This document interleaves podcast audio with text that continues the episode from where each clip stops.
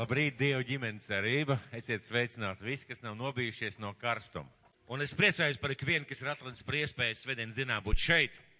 Un uh, mēs zinām, ka vasaras laikā kristiešiem ir liels izaicinājums svētdienā palikt mājās, doties ciemos, braukt uz jūrmalu. Bet es ticu, ka Dievs novērtē tos cilvēkus, kas ir uzticami un kas vēlās un grib un uh, ir Dieva namā. Protams, visām lietām ir savs laiks un arī atpūtai savs laiks. Un eh, vai jūs ziniet, ka Dieva vārds ir sēkla? Daudz ir dzirdējuši, pareizi. Dieva vārds ir sēkla. Un mēs esam runājuši par to, ka Dieva vārds ir kā sēkla, bet viņa ir dažādās jomās. Dažādās jomās sēkla un Dieva vārds tieši kā sēkla nes arī augļus, ja viņš uzaug un izdīkst mūsu dzīvē. Un es šodien gribētu dalīties ar vārdu, kas uh, pilnīgi, ja tā varētu teikt, grūst manā sirdī. Vai tavā sirdī vai tavā dzīvē ir bijis kāda lieta, uh, par ko tev vienkārši tāds nemieris iekšā, gribās par to runāt. Domāt, saprast, izprast. Vai jūs man dzirdat? Halo? Dzirdat mani, jā? Ja? Vai, vai jums ir bijis kādreiz tā, ka tu domā par kādām lietām, ka tu mēģini saprast, ka tu mēģini izprast, ka tu runā ar cilvēkiem par, par, par to, par ko tu domā, par tieši par Dievu kādām lietām? Ir tā gadījies? Ir tā gadījies. Un kāds saka, protams. Tad lūk, es dalīšos ar vārdu, kas burtiski grūst manā sirdī šajā laikā. Ziniet, ir Dieva vārds, kas paceļ, iepriecina, aizskar emocijas.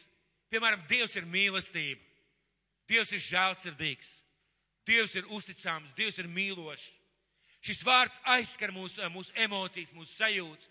Mēs jūtamies mīlēti, mēs jūtamies uh, pieņemti, mēs jūtamies, ka mums ir piedots. Un slavu Dievu par šādu vārdu. Tāds vārds ir vajadzīgs. Tāds vārds ir ārkārtīgi vajadzīgs mūsu dzīvē, viņš ir ārkārtīgi nepieciešams, bet ir Dieva vārds, kas mūs izaicina. Ir Dieva vārds, kas mūs izaicina, liek mums mainīties, spiež mūs, liek mums justies nērti, jeb kaut kādā veidā iekšēji protestēt, un tas nav tāpēc, ka Dieva vārds nav pareizs, bet tāpēc, ka mūsos kaut kas iekšā, kas neļauj šim vārdam atraisīties. Un bieži vien un ir lietas, kur Dievvvārds liek mums mainīties. Dievvvārds cenšas izplēst mūsu domāšanu, paplēst mūsu domāšanu, skatījumu uz dažādām lietām. Un tas nav vienkāršs process, un kad Jēzum, Jēzus runāja par jaunām lietām, kuras viņš sludināja, viņš diezgan konkrēti un tā tieši acīs teica cilvēkiem, jaunu vīnu nelēj vecos traukos. Jo savādāk tas vīns aiziet bojā un trauks aiziet bojā jaunu vīlu, lai jaunos traukos.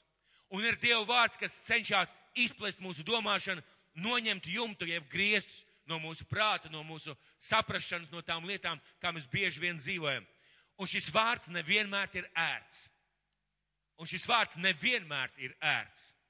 Šis vārds nevienmēr ir ērts. Kāpēc? Jo viņš ir kaut kādā veidā disonē mūsu dzīvē. Viņš liek mums mainīties, spiež mums mainīties, Un tieši tāpēc šis vārds mums ļoti bieži vien ir vajadzīgs, lai mēs izietu no savas komforta zonas, no parastās komforta zonas un kaut kur dotos. Kaut kur dotos un paceltos no tādas garīgās dusmas un virzītos uz kādu mērķi. Un virzītos uz kādu mērķi. Šis vārds ir ārkārtīgi vajadzīgs. Un tieši tāpēc šis vārds nav ērts. Un šis vārds cil daudziem cilvēkiem nepatīk. Šis vārds liek reizēm cilvēkiem piecelties, dievkalpojumu laikā doties ārā pa durvīm vai nodurt galvu bībelē. Vai sākt vienkārši pacelt galvu gaisā, sākt par kaut ko domāt un skatīties. Un ne tāpēc, ka nav interesanti, bet tāpēc, ka iekšā noklikšķēja un šis vārds tev neliekās pieņemams vai neliekās patīkams, jauks un mūsu iekšējiem cilvēkam visu laiku gribās, lai, ziniet, tā paijā, tā maigi, maigi paijā, tā labi, viss ir labi, viss ir kārtībā, viss tu esi jauks un brīnišķīgs. Man pašam dzīvē kādreiz gadījās, nesen patiesībā pāris pusotru gadu atpakaļ, kad es runāju līdzīgu vārdu un beigās cilvēks pienāca pie manis un pateica, mācītāji, jautājums bija par upuri, kas ir uz altāra. Es runāju par to, ka vai tavs upuris joprojām ir uz altāra. Kad mēs kaut ko darām priekš Dieva, šis upuris ir dzīvs.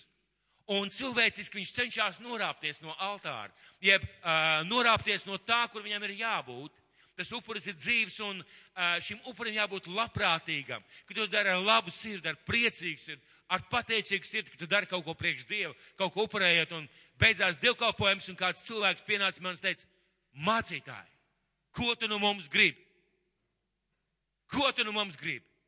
Es biju vienkārši šokā.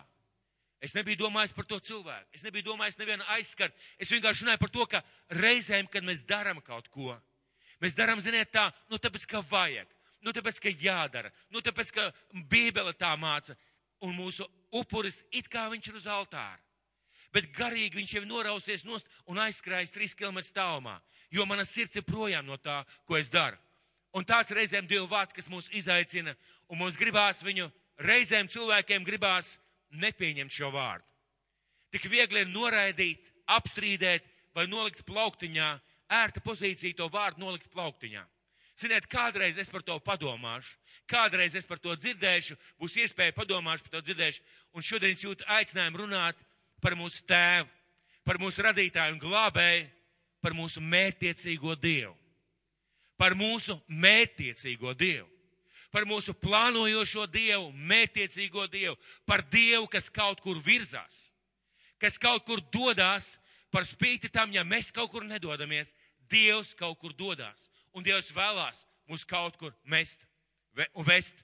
Es runāšu par mērtiecīgo Dievu, un, zini, tu vari pieņemt šo, pieņemt šo vārdu, kā biju dievkalpojumā, bija diezgan interesanti.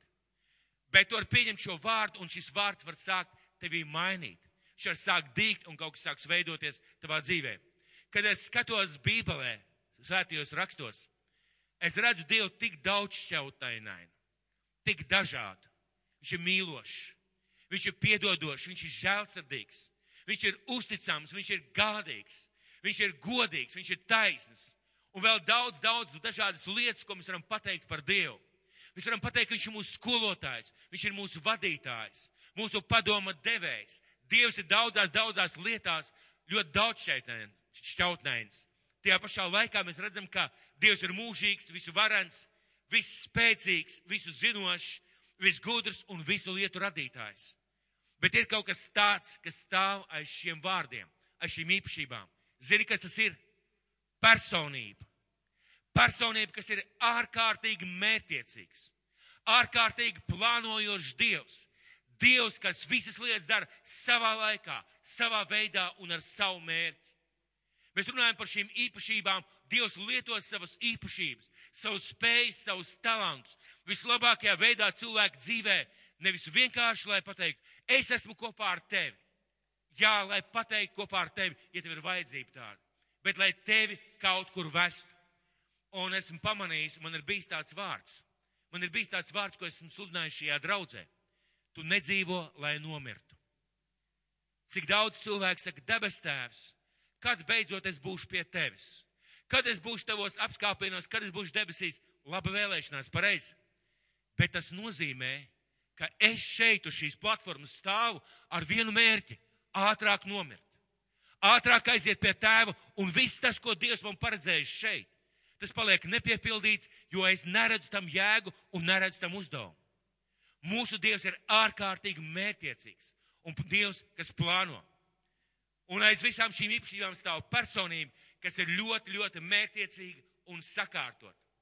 Ziniet, un Dievam nav stagnācijas. Dievam nav stagnācijas, Dievam nav plūšanas pa straumi, Dievam nav neziņas un Dieva dzīvē nav bezjēdzības. Viņa darbībā vispār nav nekādas bezjēdzības. Kādreiz neticīgi cilvēki uzdod jautājumu, un gada kāds būs dzirdējis ar jautājumu, vai Dievs var radīt akmeni, ko pats nevar pacelt? Būsiet dzirdējuši šādu jautājumu? Nesat dzirdējuši. Reizēm necīgi cilvēki uzdod tas kaut kāds klasisks jautājums. Ja Dievs ir visu varens, vai viņš var pacelt akmeni, ko pats nevar radīt? Ja viņš nevar radīt tādu akmeni, tad viņš nav visu varens. Ja viņš nevar pacelt tādu to akmeni, tad atkal viņš nav visu varens. Un kādam brālim uzdevu šādu jautājumu, viņš padomāja, teica, zini ko, Dievs ar muļķībām nenodarbojas. Lūk, tev man atbilda, Dievs ar muļķībām nenodarbojas. Dievam ir daudz vairāk ko darīt, tātad Dievam nav stagnācijas un bezjēdzības. Un viss, ko Dievs dara, ir ārkārtīgi mērtiecīgs, uz priekšu ejošs un sakārtots. Un viņam visās lietās ir savs laiks, savs veids un savu līdzekļu. Bet nepārtraukta virzība uz priekšu. Mums jāiepazīst mūsu Dievs. Vēstulē romiešiem ir teikts, ka mēs visi atsaktām sejām, spoguļodamies viņa spožumā, topam pārvērsti no līdzības uz līdzību. Kad es skatos, ka Dievs ir tik mērtiecīgs, es par to nedaudz vēlāk runāšu par mums cilvēkiem.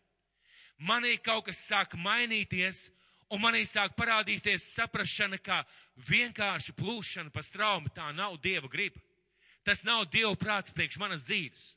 Tas nav tas, ka es dzīvoju gadu pēc gada, dienu pēc dienu, mēnesi pēc dienu, pēc mēneša, neredzot vispār uz kurien eju un mierinu sevi ar domu, gan jau tas kungs kādreiz kaut ko izdarīs manā dzīvē, gan jau viņš mani uz kaut kurien ved. Vai kāds ir redzējis kādu sportistu, kas nodarbojas ar šaušanu, mešanu vai tam līdzīgām disciplīnām, kas šauj bez mērķa? Vienkārši tā. Nostājās, neskatās uz mērķi un vienkārši bliež. Ja tu nekur nemērķēsi, nekur netrāpīs. Un pilnīgi skaidrs, ka tā arī ir. Tātad mums bieži sajūta, ka Dievs ir spontāns kā mākslinieks. Ir tādi cilvēki, kuri ir kā mākslinieki. Slavu Dievu par tādiem cilvēkiem, viņiem tāda īpaša daba, viņos īpaši izpaužās Dieva mākslinieckās dotības, bet mums reizēm tāda sajūta, ka Dievs ir tāds spontāns kā mākslinieks. Un pirmkārt, pirmkārt tāpēc, ka mēs bieži vien tā dzīvojam. Mums bieži vien tā, ai, šodien darīšu to un to, ai, rīt darīšu to un to. Uh, nav, nav noskaņojums, šobrīd nav noskaņojums, to es, to es nedarīšu šobrīd. Mēs tā bieži vien dzīvojam un tāpēc domājam, ka Dievs tāds ir.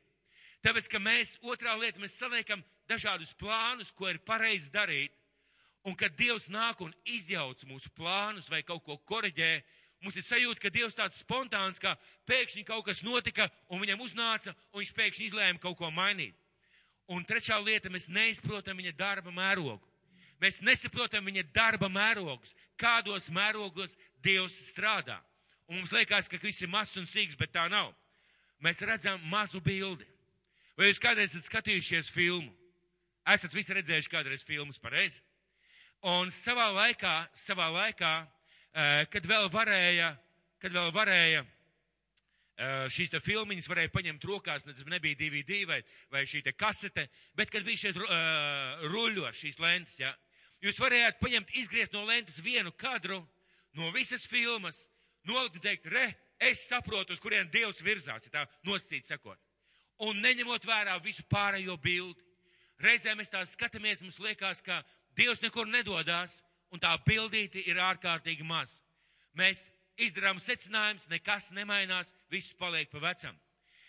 Mana māma kādreiz nodarbojas ar aušanu, kad es biju vēl bērns, viņa audumus mājās stāvēja stēlis, un kas man reizēm pārsteidza. Tu varēji palīst apakšā zem stelvēm un uh, tam tepiķim vai tai sagai, ko auda, bija kreisā puse. Un kas ir interesanti, bieži nevarēja saprast, kāds tur vispār ir musturs. Tur bija dažādi gali, diedziņi, tā, tā, tā, tā, tā un tikai apgriežot pēc laika uz otru pusi, tu ieraugi šo skaisto bildi. Un tieši tāpat arī mūsu dzīvē mēs bieži vien nesaprotam, kur kas kā, kur kāds galiņš, kur kāds mezgls, kur kāda problēma, kāda vajadzība, kāpēc tā, kāpēc šitā, kāpēc šitā. Un tikai mūžu beigās mēs pagriezīsim uz atpakaļ uz augšu šo lielo tepiķi un ieraudzīsim, cik skaistu bildi Dievs ir izaudzis no mūsu dzīves. Zini kad? Zini kad? Tad, kad tu sapratīsi, ka Dievs mērtiecīgi kaut ko dara tavā dzīvē. Jo, ja tu domās, ka Dievs neko nedara, vai ka viss vienkārši plūst, tu nekad nespēsi iet sekot Dievam līdzi un paklausīt viņam. Jo, ja nekur Dievs neiet, tad kur man jāiet vispār? Un tas, tas tā, tā ir liela kļūda. Un patiesībā Dievs mērtiecīgi realizē savus plānus pasaulē un cenšas vadīt mūs mērtiecīgi dzīvot priekš Dieva un priekš sevis. Ziniet, Dievs nav tētiņš, kā kādreiz viņu zīmēja, sēž uz mākoņa maliņas, skatās uz leju ar garu bārdu, šūpo kājas pāri mākonim un vienkārši vēro, kā viss pats par sevi rit. Tas nav mūsu Dievs. Tas nav mūžīgais, spēcīgais un lielais un varnais Dievs. Kā mēs varam zināt, ka mūsu debes tēvs ir mērķiecīgs? Kā mēs varam zināt, ka mūsu debes tēvs ir mērķiecīgs? Sakārtotības un kārtības Dievs. Kā mēs to varam zināt? Vispirms to saka Bībele. Vispirms to saka Bībele un pirmā vēstule korintiešiem 14. nodaļa, 33. pants. 14. nodaļa, 33. pants. Pirmā vēstule korintiešiem 14. nodaļa, 33. pants. Jo Dievs nav nekārtības, bet miera Dievs. Dievs nav nekārtības, bet miera Dievs. Un Jāņa atklāsmes grāmatu uzreiz pēc tam. Jāņa atklāsmes grāmata, tā ir pēdējā grāmata Bībelē, kur Dievs stāsta par visu lietu nobeigumu. Dievs stāsta par visu lietu nobeigumu, un Jāņa atklāsmes grāmatā pirmā nodaļa no 4. līdz 8. pantam. Un tur rakstīts tā, Jānis septiņām draudzēm Āzijā. Žēlastība jums un miers no tā, kas ir, kas bija un kas nāk. Un no tiem septiņiem gariem, kas viņa goda krēsla priekšā. Un no Jēzus Kristus, kas ir uzticīgais liecinieks, mirušo pirmzemtais, zemes ķēniņu valdnieks, viņām, kas mūs mīlējis, kas mūs ar savām asinīm atsubinājis no mūsu grēkiem un kas mūs darījis par ķēniņiem, par priestriem Dievam savam tēvam, viņam lai ir slava un vara mūžu mūžos. Redzi, viņš nāk uz padebešiem. Viņu redzēs katra acs, un tie, kas viņu dūruši, par viņu vaimanās visas zemes ciltis. Jā, āmen. Es esmu alfa un omega, saka kungs Dievs, kas ir, kas bija, kas nāk, visu valdītājs. Es, Jānis, jūs brālis un dalībnieks bēdās, valstībā un jēzus gaidās, bija Patmas salā, bija salā, kas sauc par Patmu, Dieva vārda un jēzus liecības dēļ. Un šeit mēs apstājamies, un šajā vietā man īpaši uzrunā šie vārdi. Skatieties, ko Dievs saka, redzi, viņš nāks uz padebešiem, viņu redzēs katrāts, tie, kas viņu dūruši par viņu vaimanās, visas zemes ciltis. Es esmu alfa un omega, saka Diev, kungs, Dievs kas ir, kas bija, kas nāk, visu valdītājs. Viņš ir sākums un viņš ir gals.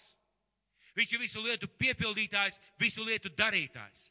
Tas runā par to, ka viņš ārkārtīgi mētiecīgi, kā dievs, kā varenais, kā valdītājs, virza šo pasauli uz priekšu.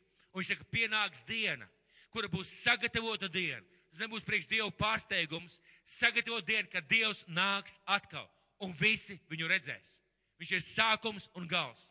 Tas runā par to, ka, ka mūsu Dievs ir brīnišķīgs vadītājs, sākums un gals visām lietām. Ļoti daudz vietas, ārkārtīgi daudz vietas runā par to, cik Dievs mētiecīgi dara lietas pasaulē un mūsu dzīvē. Cik ārkārtīgi mētiecīgi. Un pirmā mūzes grāmata. Es gribu, lai jūs atverat kopā ar mani pirmo mūzes grāmatu. Un tas ir stāsts par radīšanu. Tas ir stāsts par radīšanu. Tas ir stāsts par radīšanu. Un es gribētu lasīt no pirmās nodaļas, pirmā panta. Lasiet kopā ar mani. Lasiet kopā ar mani. Pirmā mūzes grāmata, pirmā nodaļa. Iesākumā Dievs radīja debesis un zemi, bet zeme bija neiztaisīta un tukša, un tumsa bija pār dziļumiem, un Dieva gars lidinājās par ūdeņiem. Un Dievs sacīja, lai top gaisma un gaisma tap.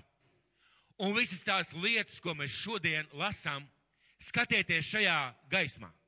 Nevis, ka vienkārši Dievs radīja zemi, bet cik mērtiecīgi, cik plānveidīgi, cik gudri. Un Dievs sacīja, lai top gaisma un gaisma tap. Un redz, Dievs redzēja, ka gaisma ir laba. Dievs atšķīra gaismu no tumsas. Un Dievs nosauca gaismu par dienu, bet tumsu par nakti, un tāpat vakars un rīts pirmā diena.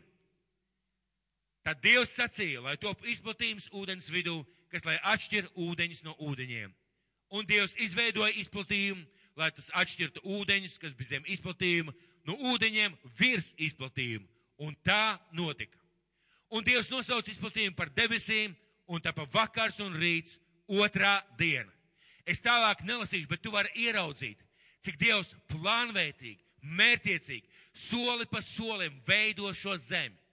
Veido šo zemi, un pašās beigās viņš nonāk pie tā, ka viņš rada cilvēku. Un es gribētu apstāties pie šīs stāstas 26. pants. Un tad Dievs sacīja, darīsim cilvēku pēc mūsu tēla, mūsu līdzības, tas lai valda pār zivīm jūrā, pār lopiem, pār putniem apakš debes, pār visu zemi un visiem rāpuļiem, kas rāpo zemes virsū.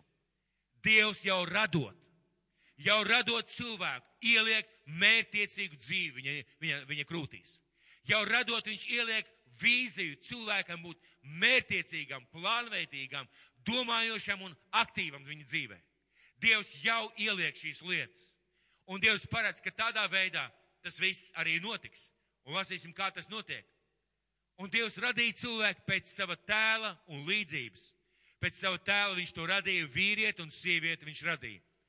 Un Dievs to svētīja un sacīja viņiem. Augļojieties un vairojieties, piepildiet zemi, pakļaujiet sev to un valdiet pār zivīm jūrā un putniem gaisā un visiem dzīvniekiem, kas rāpo pa zemi. Un Dievs sacīja, redzi, es tagad esmu jums devis visus augus, kas nogatavina sēklu, kas vien ir zemes virsū, un visus kokus, kas nes augļus ar savu sēklu, lai tie jums būtu par ēdamo.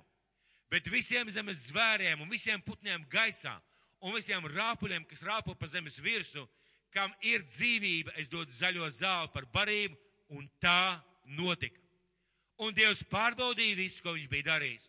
Un lūk, viss bija ļoti labs, un tā pa vakars un rīts, sestā diena. Un tā tika pabeigtas debesis un zeme un visu to pulki. Un Dievs pabeidza septītajā dienā visus darbus, kādus viņš bija darījis, un atpūtās septītajā dienā no visa sava darba, ko bija Dievs darījis. Un Dievs svētīja septīto dienu un iesvētīja to par svētu dienu, jo viņš tenī atdusējās no visiem sava darba, ko radīdams bija darījis. Un Dievs pat atpūtu ieplānoja. Un Dievs pat atpūtu ieplānoja. Vai Dievs bija noguris? Dievs nebija noguris. Vienkārši viņš plānveidīgi un mērķiecīgi visu darīja. Viņš radīja šo zemi un cilvēku radīja ar mērķi būt plānveidīgam, mērķiecīgam, aktīvam uz priekšu ejošam. Dievs tādu cilvēku jau radīja. Pat atpūtu ieplānoja. Un tagad skatieties, tas bija radīšanas uh, sākums. Dievs tādā veidā radīja zemi. Dievs tādā veidā radīja zemi. Kas notiek tālāk? Es gribētu izlasīt no Jāņa atklāsmes grāmatas. Un Jāņa atklāsmes grāmata, 21. nodaļa. Jāņa atklāsmes grāmata, 21. nodaļa, no 1. līdz 5. pantam. Jāņa atklāsmes grāmata, 21. nodaļa, no 1. līdz 5. pantam. Un es redzēju jaunu debesi un jaunu zemi. Jo pirmā debes un pirmā zeme bija zudusi, un jūras vairs nav. Un es redzēju svēto pilsētu, jauno Jeruzalemi, nokāpjam no debesīm no Dieva, sagatavot kā savam vīram greznotu līgamu. Līgavu. Un es dzirdēju stipru balsi no troņa sakām, redzi, Dieva mājoklis pie cilvēkiem, viņš mājos viņu vidū, un tie būs viņa ļaudis, un Dievs pats būs ar viņiem. Viņš nošāvēs visas viņu asaras no viņa acīm, nāvis vairs nebūs nec bēdu, nec vaidu, nec sāpju vairs nebūs, jo kas bijis, ir pagājis. Un tas, kas sēdēja goda krēslā, teica, redzi, visu es daru jaunu. Tad viņš teica, raksti, jo šie vārdi ir neapšaubāmi un patiesi. Un viņš man sacīja, ir noticis, esmu alfa un omega, sākums un gals. Pa vidu paiet tūkstošiem gadu. Pa vidu šim stāstam paiet tūkstošiem gadu, un pa vidu tam ir tava dzīve, brāl un māsa. Mana dzīve. Un Dievs nesēž uz mākoņa maliņas un neskatās, kad tas viss piepildīsies. Viņš caur cilvēkiem, caur notikumiem, caur situācijām, caur lietām, viņš plānveidīgi un mērķiecīgi realizē savu brīnišķīgo glābšanas plānu. Un viņš cenšas realizēt savu brīnišķīgo plānu arī mūsu dzīvē. Kāpēc es par to saku? Jo var izniekot dzīvi. Var vienkārši izniekot savu dzīvi. Var vienkārši nesaprotot, ka Dievs plānveidīgi un mērķiecīgi kaut ko dara, nebūt tāds un izniekot savu dzīvi. Kā mēs vēl varam zināt, ka Dievs ir mērķiecīgs un plānveidīgs? Vēstulē romiešiem. Vēstulē romiešiem Dievs saka, nu ja jums nepietiek ar manu vārdu, paskatieties uz dabu. Vēstuli romiešiem, pirmā nodaļa. pirmā nodaļa, 19 līdz 20 pants. Vēstuli romiešiem, pirmā nodaļa, 19 līdz 20 pants. Jo ko par Dievu var zināt, tas viņiem nav apslēpts. Dievs pats viņiem to atklājis. Viņa neredzamās īpašības, tik labi viņa mūžīgā var, kā viņa dievišķība, kopš pasaules radīšanas gara acīm, saskatāmas viņa darbos, tāpēc viņiem nav ar ko aizbildināties. Mēs visi esam bijuši dabā, pareizi? Un tagad padomājiet par dabu no mērtiecības viedokļa. No šī mērtiecības mūžīgā dievu viedokļa. Viss ir ārkārtīgi harmonisks. Neviens taurenis nelido vienkārši tāpat. Neviena krāsa nav vienkārši tāpat. Neviens koks nav vienkārši tāpat veidots. Viss ir veidots ar kaut kādu mērķi, jēgu un nozīmi. Ja mēs skatāmies uz sauli, saule apspīd zemi, dod siltumu, dod enerģiju, dod dzīvību. Saule apspīd mēnesi un naktī mums ir gaisma un kaut kādu mēs redzam kaut kādu gaismu. Uh, zeme griežas ar vienu ātrumu. Uh, gada laika mainās. Dievs ārkārtīgi mērķiecīgi šīs lietas veido un viņš to ir izveidojis. Un Dievs saka, ja jums liekas, ka es vienkārši sēžu uz mākoņa maliņas un neko nedaru, ne garo neliekos, ne zinis, kā daudz cilvēku tā domā, paskatieties uz dabu. Paskatieties uz dabu un paskatieties uz sevi. Daudziem cilvēkiem ir gadījies būt bērēs. Un, ziniet, ir brīnišķīgas tās bēres, ja tā varētu teikt, kurās tu redzi cilvēku, kas ir nodzīvojis ar jēgu savu dzīvi un piedzīvojis Kristu savā dzīvē. Tu saproti, ka viņš nevis vienkārši iztērējis gadus, bet ka viņš ir dzīvojis ar jēgu un ar nozīmi. Un ir skumīgi būt tajās bērēs, kur tev jārunā par mūžīgo dzīvību. Un, ziniet, tas ir patiesības brīdis. Tas ir patiesības brīdis. Tur, tur nepalīdz vairs, tur var teikt dažādus uh, mierinājumu vārdus. Bet priekš tā cilvēka tas laiks ir beidzies. Un viss, ko viņš varēja izdarīt, vai nu viņš izdarīja, vai viņš neizdarīja. Un ir ārkārtīgi skumīgi skatīties uz cilvēku, kas bija kristietis un vienkārši nodzīvoja. Nomala savas dienas, novilka savas dienas, nodzīvoja savas dienas bezjēgā. Es jau teicu, šis vārds tāds, kur gribās nolikt malā.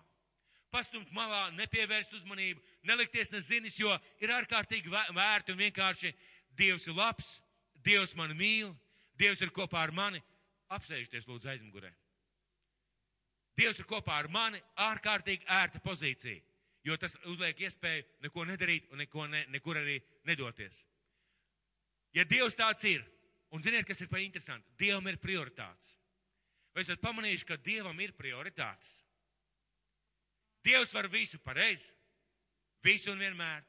Dievam ir prioritātes.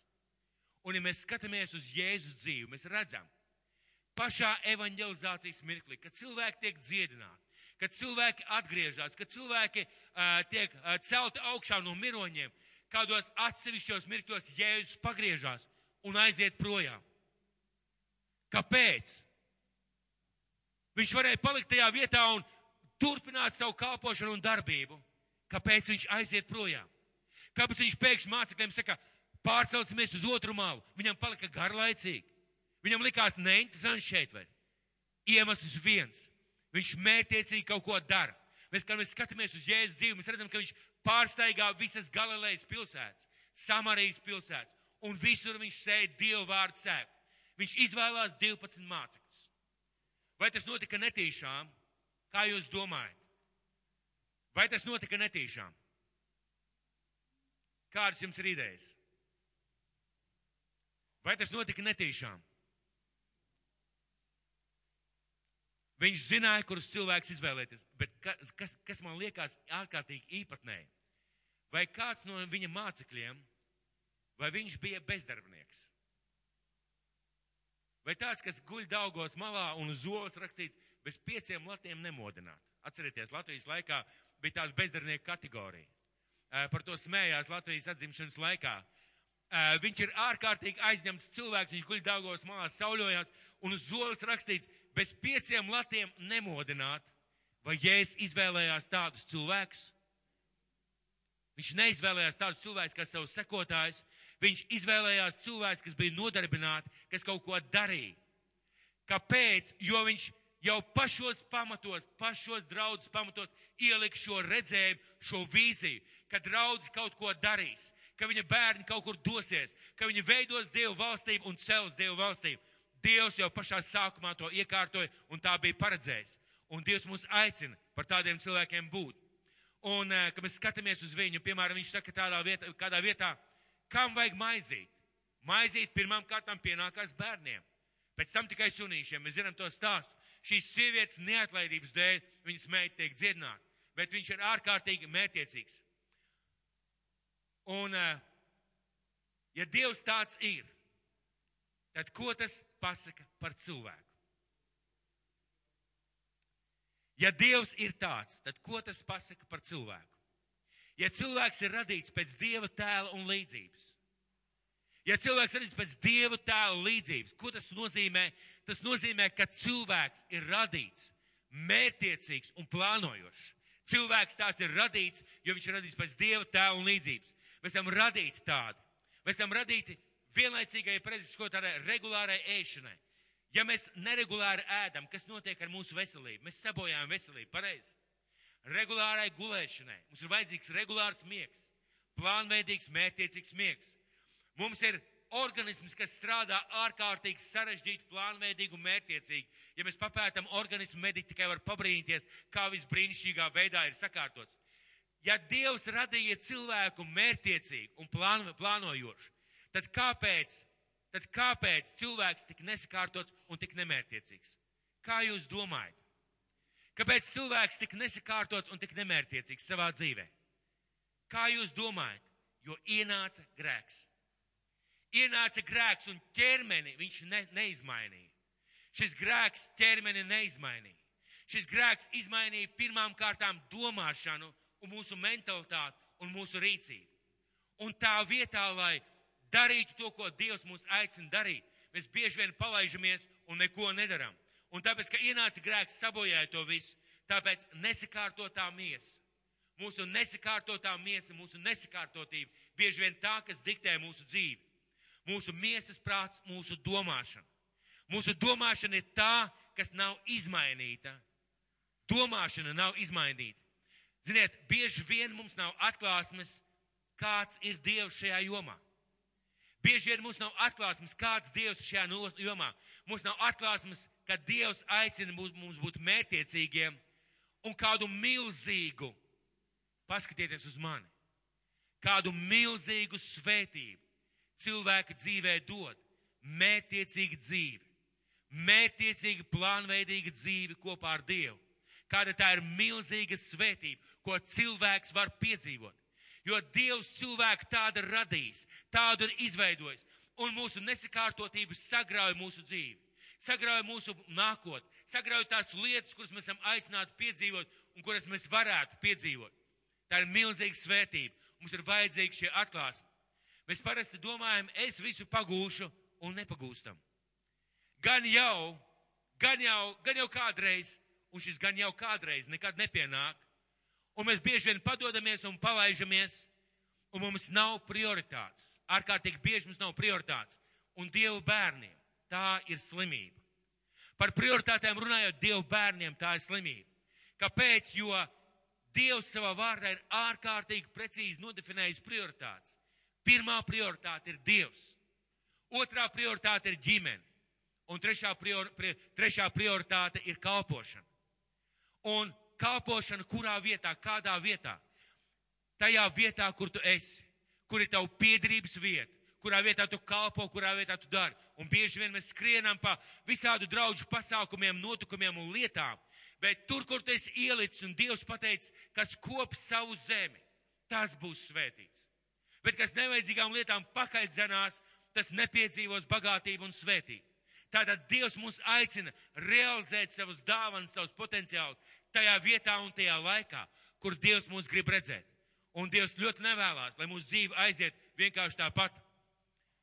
Mēs bieži vien domājam, ka šī plānveidīgā un mērķiecīgā dzīve ir domāta biznesa cilvēkiem.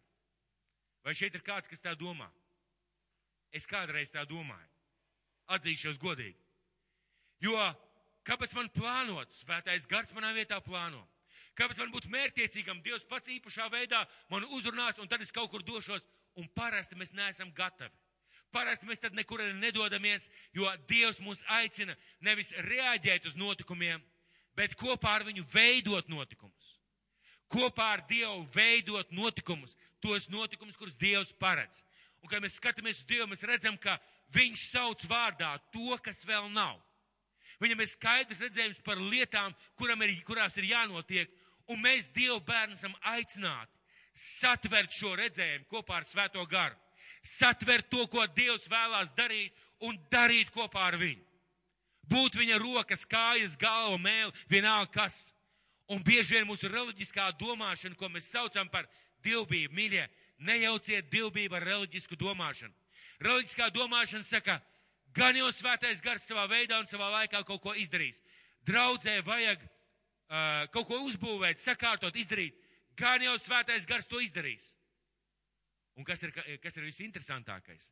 Kāds atnāca un izdarīja. Un es saku, slava Dievam! Es taču teicu, ka svētais gars izdarīs. Slava Dievam! Es taču teicu, ka tas notiks pareizi. Piemēram, kāda kalpošana, jauniešu sagaidīšana, jebkura lieta. Debes tēvs svētī, palīdzi, uh, uzrunā, kalpo, dari, es tevi lūdzu, lai tas notiek. Un ārkārtīgi bieži, kad mēs redzam šo vajadzību, Dievs saka, esi atbild.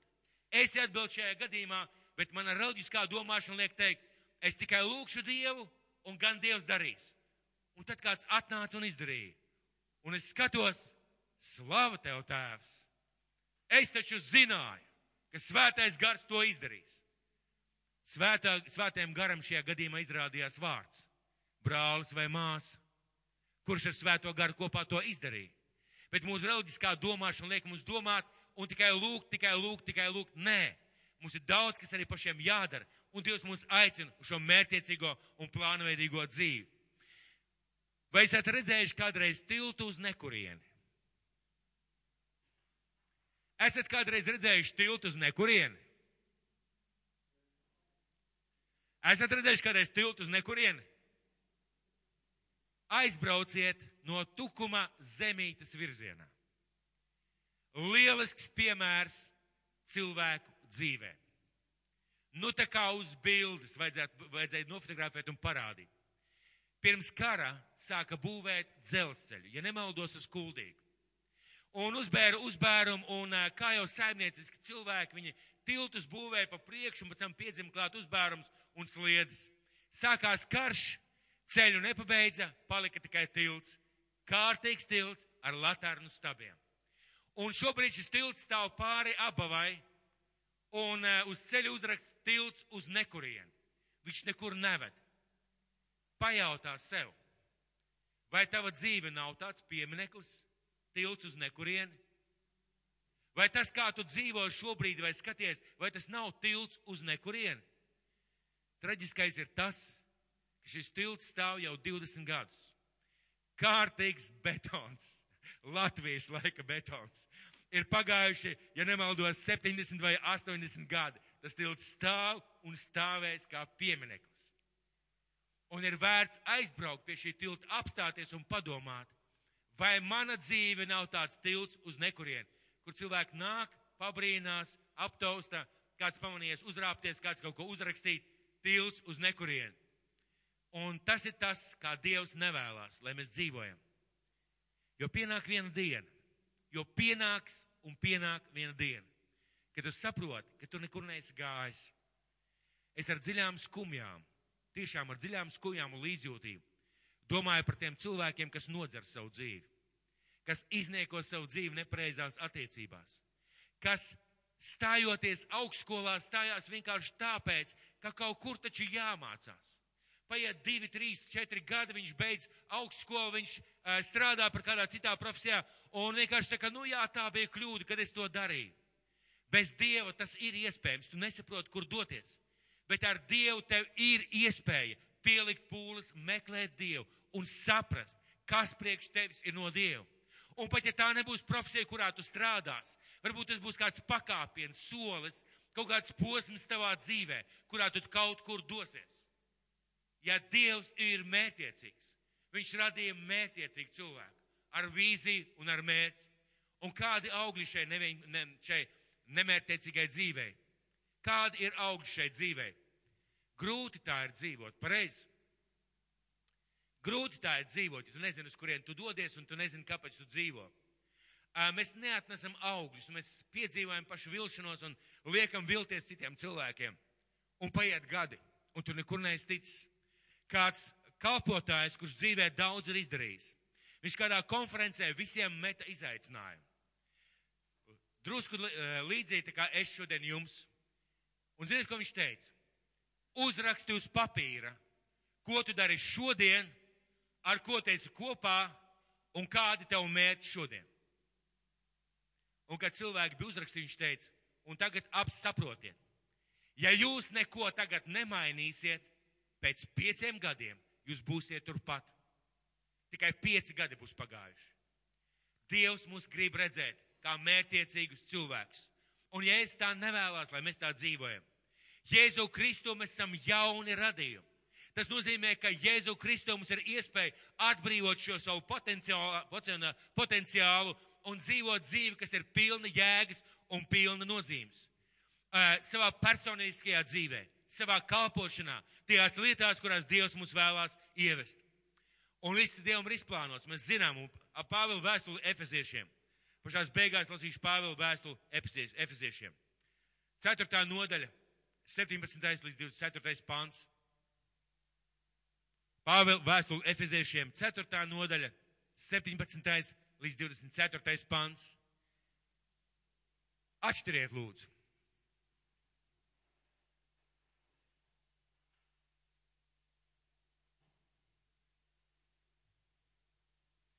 Pāvela vēstule Efeziešiem, 4. nodaļa,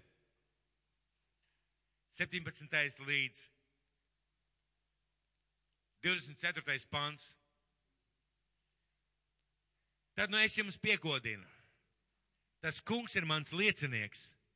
Vairs nedzīvot tā, kā pagānu tautas dzīvo, savu sirds prāta tukšībā. Nezināšanas dēļ, kas ir viņās, un savas sirds trulības dēļ aptumšojušās savā garā un atsvesinājušās no dievišķās dzīvības. Kā rezultāts tam, zaudējuši kauna jūtas un sākuši nodoties izvērtībai, sagandādami savu dzīvi, savu dzīvi ar visādi veidu netikliem darbiem un mankārību. Bet sludinot Kristu jums tādas lietas nav mācīts. Un ko šeit Pāvils saka? Vairs nedzīvot tā kā pagānu tauts dzīvo savu sirds prāta tukšībā, nežināšanas dēļ, kas ir viņās. Ja mēs nesaprotam, ka Dievs ir mētiecīgs Dievs, mēs tā arī dzīvojam, kā šīs pagānu tautas. Mēs tā arī dzīvojam, lai ēstu un ēdam, lai dzīvotu. Un Jēzus saka, nedzīvojiet tā, jums tā nav jādzīvo. Un tālāk ir rakstīts tā, bet sludinot Kristu jums tādas lietas nav mācīts. Turpretī jums par viņu stāstīts un mācīts tā, kā tas ir patiesi Jēzus garā. Ka līdz ar agrākās dzīves veidu jums jāatmet vecais cilvēks, kas savu kārību pievilc iet bojā, un jāatjauno savā sirds prātā un garā, un jāapģērb jaunais cilvēks, kas radīs pēc Dieva patiesā taisnībā un svētumā. Un šeit Dievs tev saka, Jēzus Kristus, svētais gars tev saka, atmet savu bezmērķību, atmet savu neplānošanu, atmet savu vienkārši pa straumu plūšanu, atmet un meklē kopā ar Dievu, kas ir tas, kas tev ir jādara. Kādā virzienā tev ir jāiet, kāpēc tev vajag uzrakstīt savu gada plānu, kāpēc tev vajag padomāt, ko tu darīsi tad un tad, kāpēc tev vajag padomāt, ko tu darīsi rīt, parīt un aizprīt, kāpēc tu nāc uz dievkalpojumiem, kāpēc tu lasi Bībeli, padomā par to, kur Dievs tevi ved. Un svētais gars saka, atmetiet šādu dzīvesveidu jo pagānu tautām nav šīs saprašanas. Ja mēs skatāmies uz latviešiem, uz šiem pagānu dievībām, uz citām tautām, uz tām dievībām, kurās viņiem kalpo, šīm dievībām nekad nav bijis mērķis vēst kaut kur cilvēku un veidot caur cilvēku kaut ko. Viņas vienkārši kalpoja kā pielūgsmes veids, kurām izlūdzās svētību. Es dzīvoju pats par sevi, mirstu pats par sevi, bet pat cik man vajag svētību un žēlastību un palīdzību, tad es pienesu šos upurus. Vienīgi mūsu Dievs. Vienīgi Diev, mūsu Dievs pasaka, tev ir mērķis dzīvē. Tavai dzīvē nav tā jāplūst, un lai tas notiktu, atjaunojies savā sirds prātā. Dievs saka, atjauno savu prātu. Atjauno savu prātu ar šo atklāsmi, ka Dievs ir mērķiecīgs un ka Viņš tevi radīs mērķiecīgi. Pasaki savam kaimiņam, bet ne savai sievai, bet kādam citam kaimiņam. Pasaki vārdus, Dievs ir mērķiecīgs, un tu esi mērķiecīgs.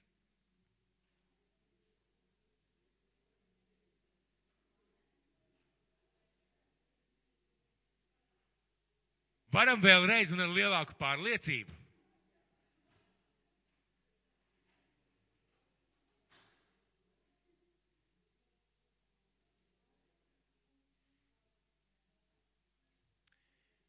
Un labā ziņa tā, ka Jēzu Kristu, mīļie, mīļie, paskatieties uz mani, Jēzu Kristu mēs esam mērtiecīgi. Patiesībā tas, kas mūsos iekšā sauc, raud, vaimanā reizēm par mūsu pašu dzīves veidu, ir svētais gars. Mēs esam izveidot un atgriezt šajā mērtiecīgajā dzīvē, ko Dievs ir paredzējis. Un tikai ļaujot savai miesai valdīt pār mums, mēs esam šie nesakārtotā uh, miesa, kas nezina, kur dodas. Tikai ļaujot valdīt, un ziniet, kā ir. Lai kaut kur dotos, ir jāsasprindzinās, ir jāsaņemās, ir jāplāno, ir kaut kas jādara. Un tas vienmēr ir grūti. Vienmēr ir grūti. Vai kādam tas ir grūti? Man tas ir grūti. Visiem pārējiem, es saprotu, ir viegli, pareizi. Nav vispār nekādu problēmu. Nav viegli. Bet ziniet, kas ir tas labais? Ziniet, kas ir tas labais? Augļi ir saldi. Augļi ir saldi. Un lai neko nedarītu, vienkārši atslābinies. Vienkārši plūsti pa straumu. Ziniet, kā frančiem ir tāda uh, pīļu komplekss, saucās Sansusī, bez rūpēm. Dzīvo Sansusī kā dieva bērns. Svētais gars darīs, svētais gars nopelnīs, svētais gars parūpēsies, svētais gars sakārtos, sansusī pa dzīvi. Tikai ziniet, pēc tam būs tāds susī, jo augļi pēc tam būs rūkti. Augļi pēc tam būs rūkti. Un svētais gars saka, ieraugiet mani. Es esmu mērķiecīgs Dievs. Ja esmu mīlošs, esmu piedodošs, bet es esmu mērķiecīgs Dievs. Un tas, ko Dievs vēlās mums pateikt, izmainiet savu domāšanu. Paceliet to domāšanas dēlīti augstāk. Jūs nedzīvojat, lai mirtu, un nemirstat vienkārši, lai nomirtu. Jūs dzīvojat, lai kaut ko darītu un izdarītu uz šīs zemeslodes. Tas ir tas, tas ir tas, ko Dievs ir aicinājis. Un kad viņš radīja cilvēku, jūs atcerieties, es lasīju. Viņš lai valda, viņš lai rūpējās, viņš lai gādā, un mana svētība ir pār viņu. Un tad, kad mēs to nedarām, Dieva svētība nav pār mums. Un atzīst, ka tā neesi gājis. Atzīsti, ka tā neesi gājis. Varbūt kāds tā ir gājis slavu Dievam. Bet ir ļoti pareizi atzīt, Dievs, es tā neesmu rīkojies, es tā neesmu darījis, es tā neesmu domājis. Un sāc vēlēties, sāc sapņot, ka tu esi mērķiecīgs cilvēks. Piever uz mirkli savas acis un iedomājies, ka tu piecus gadus esi bijis ļoti mērķiecīgs cilvēks.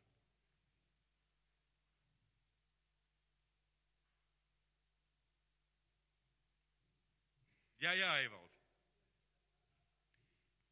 Pievēr savus acis un iedomājies, tu piecus gadus esi mērķiecīgs cilvēks bijis kopā ar Dievu, savā dzīvē, savā kalpošanā. Kādus augļus tu redzi?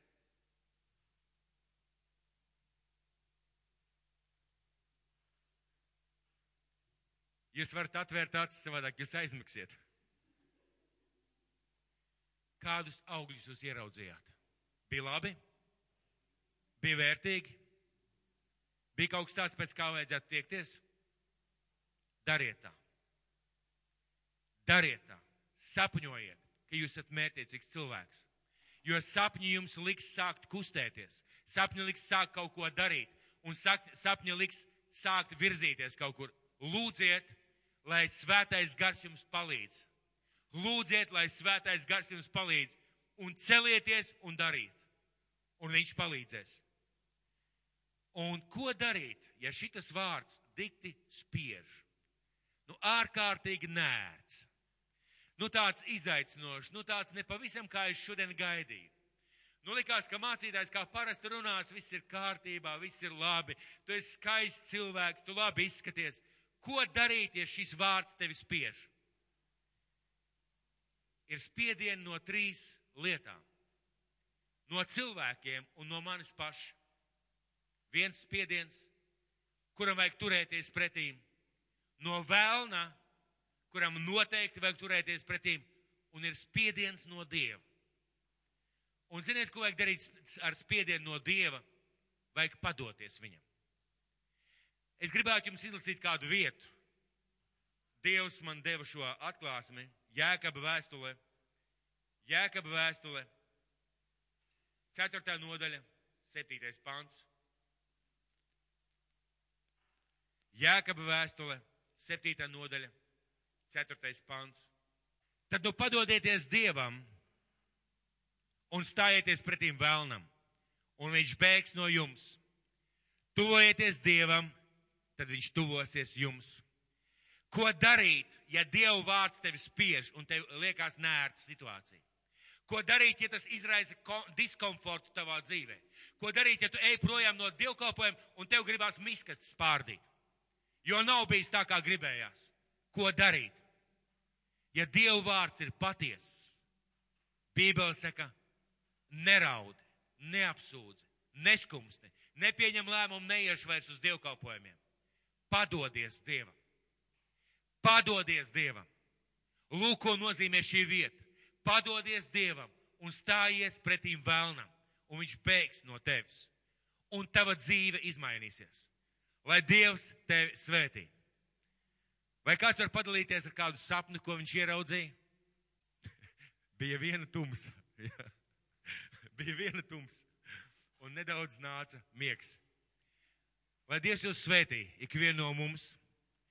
Saprotiet un pieņemiet, ka Dievs ir mētiecīgs Dievs. Un pat ja tev ir 70 vai 80 vai 90 gadi, ir kaut kas tāds, ko tikai tu vēl vari izdarīt.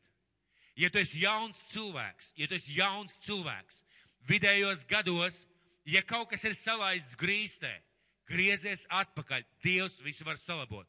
Un ja tu esi jauns cilvēks, jauns, skaties mērtiecīgi uz savu dzīvi. Mūsu Dievs, mūsu Dievs ir mērtiecīgs Dievs. Vai tu vari pateikt āmen? Ziniet, kas man ļoti uzrunā tēva reizē? Ziniet, kas man uzrunā? Man personīgi kādreiz uzrunāja, ļoti un joprojām uzrunā. Un atpestīja mūs no ļauna. Un tas ļaunais reizēm esmu pats sev priekš sevis, pareizi? Tāpēc debes tēvs atpestīja mūs no mūsu vecās domāšanas un izmaina mūsu domāšanu. Un lai Dievs tevi svētī. Aicināsim slavētājs uz skatuves un kopā pielūgsim Dievu. Vai jūs būtu gatavi lūgt par kaut ko? par izmaiņām savā dzīvē.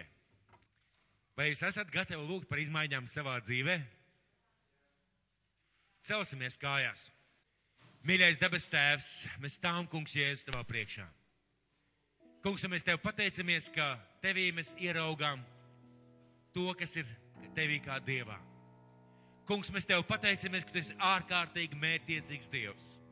Ka tu esi dievs, kas veido šo planētu, kas veido cilvēku dzīves kas iet uz priekšu ar lieliem soļiem. Kungs, mēs tev pateicamies, ka tu esi tāds Dievs, kas māca mums šīs lietas.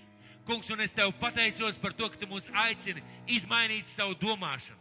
Devis Tēvs, tu mūs neapsūdz un neatstāji tukšā vietā. Tu mūs aicini mainīt domāšanu, skatīties uz priekšu, sapņot lielus sapņus un realizēt viņus savā dzīvē.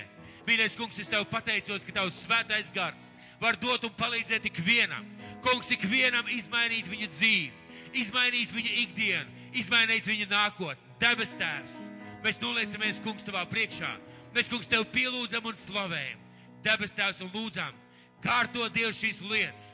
Jēzu runā par lietām, par ikdienas notikumiem, Ja es runāju par ikdienas kārtību, ikdienas mērķiem, ikdienas lietām, kungs runā Jēzus Kristus vārdā. Svētais gars, es tev lūdzu, lai šis vārds neatgriežas atpakaļ, pirms viņš nav izdarījis savu mūsu dzīvē. Kungs, es tev lūdzu Jēzus vārdā. Svētītāju šajā zālē ikvienu, ikvienu dabas tēvs. Ved pa šo mūžības ceļu, kas ir pilns ar svētībām, pilns ar uzvarām, pilns ar panākumiem, pilns ar gaismu no tevis. Kungs, mēs tev pateicamies kad esi mūs radījis par mērķiecīgiem cilvēkiem, par cilvēkiem, kas iet uz priekšu. Tava dēla Jēzus Kristus vārdā. Āmen!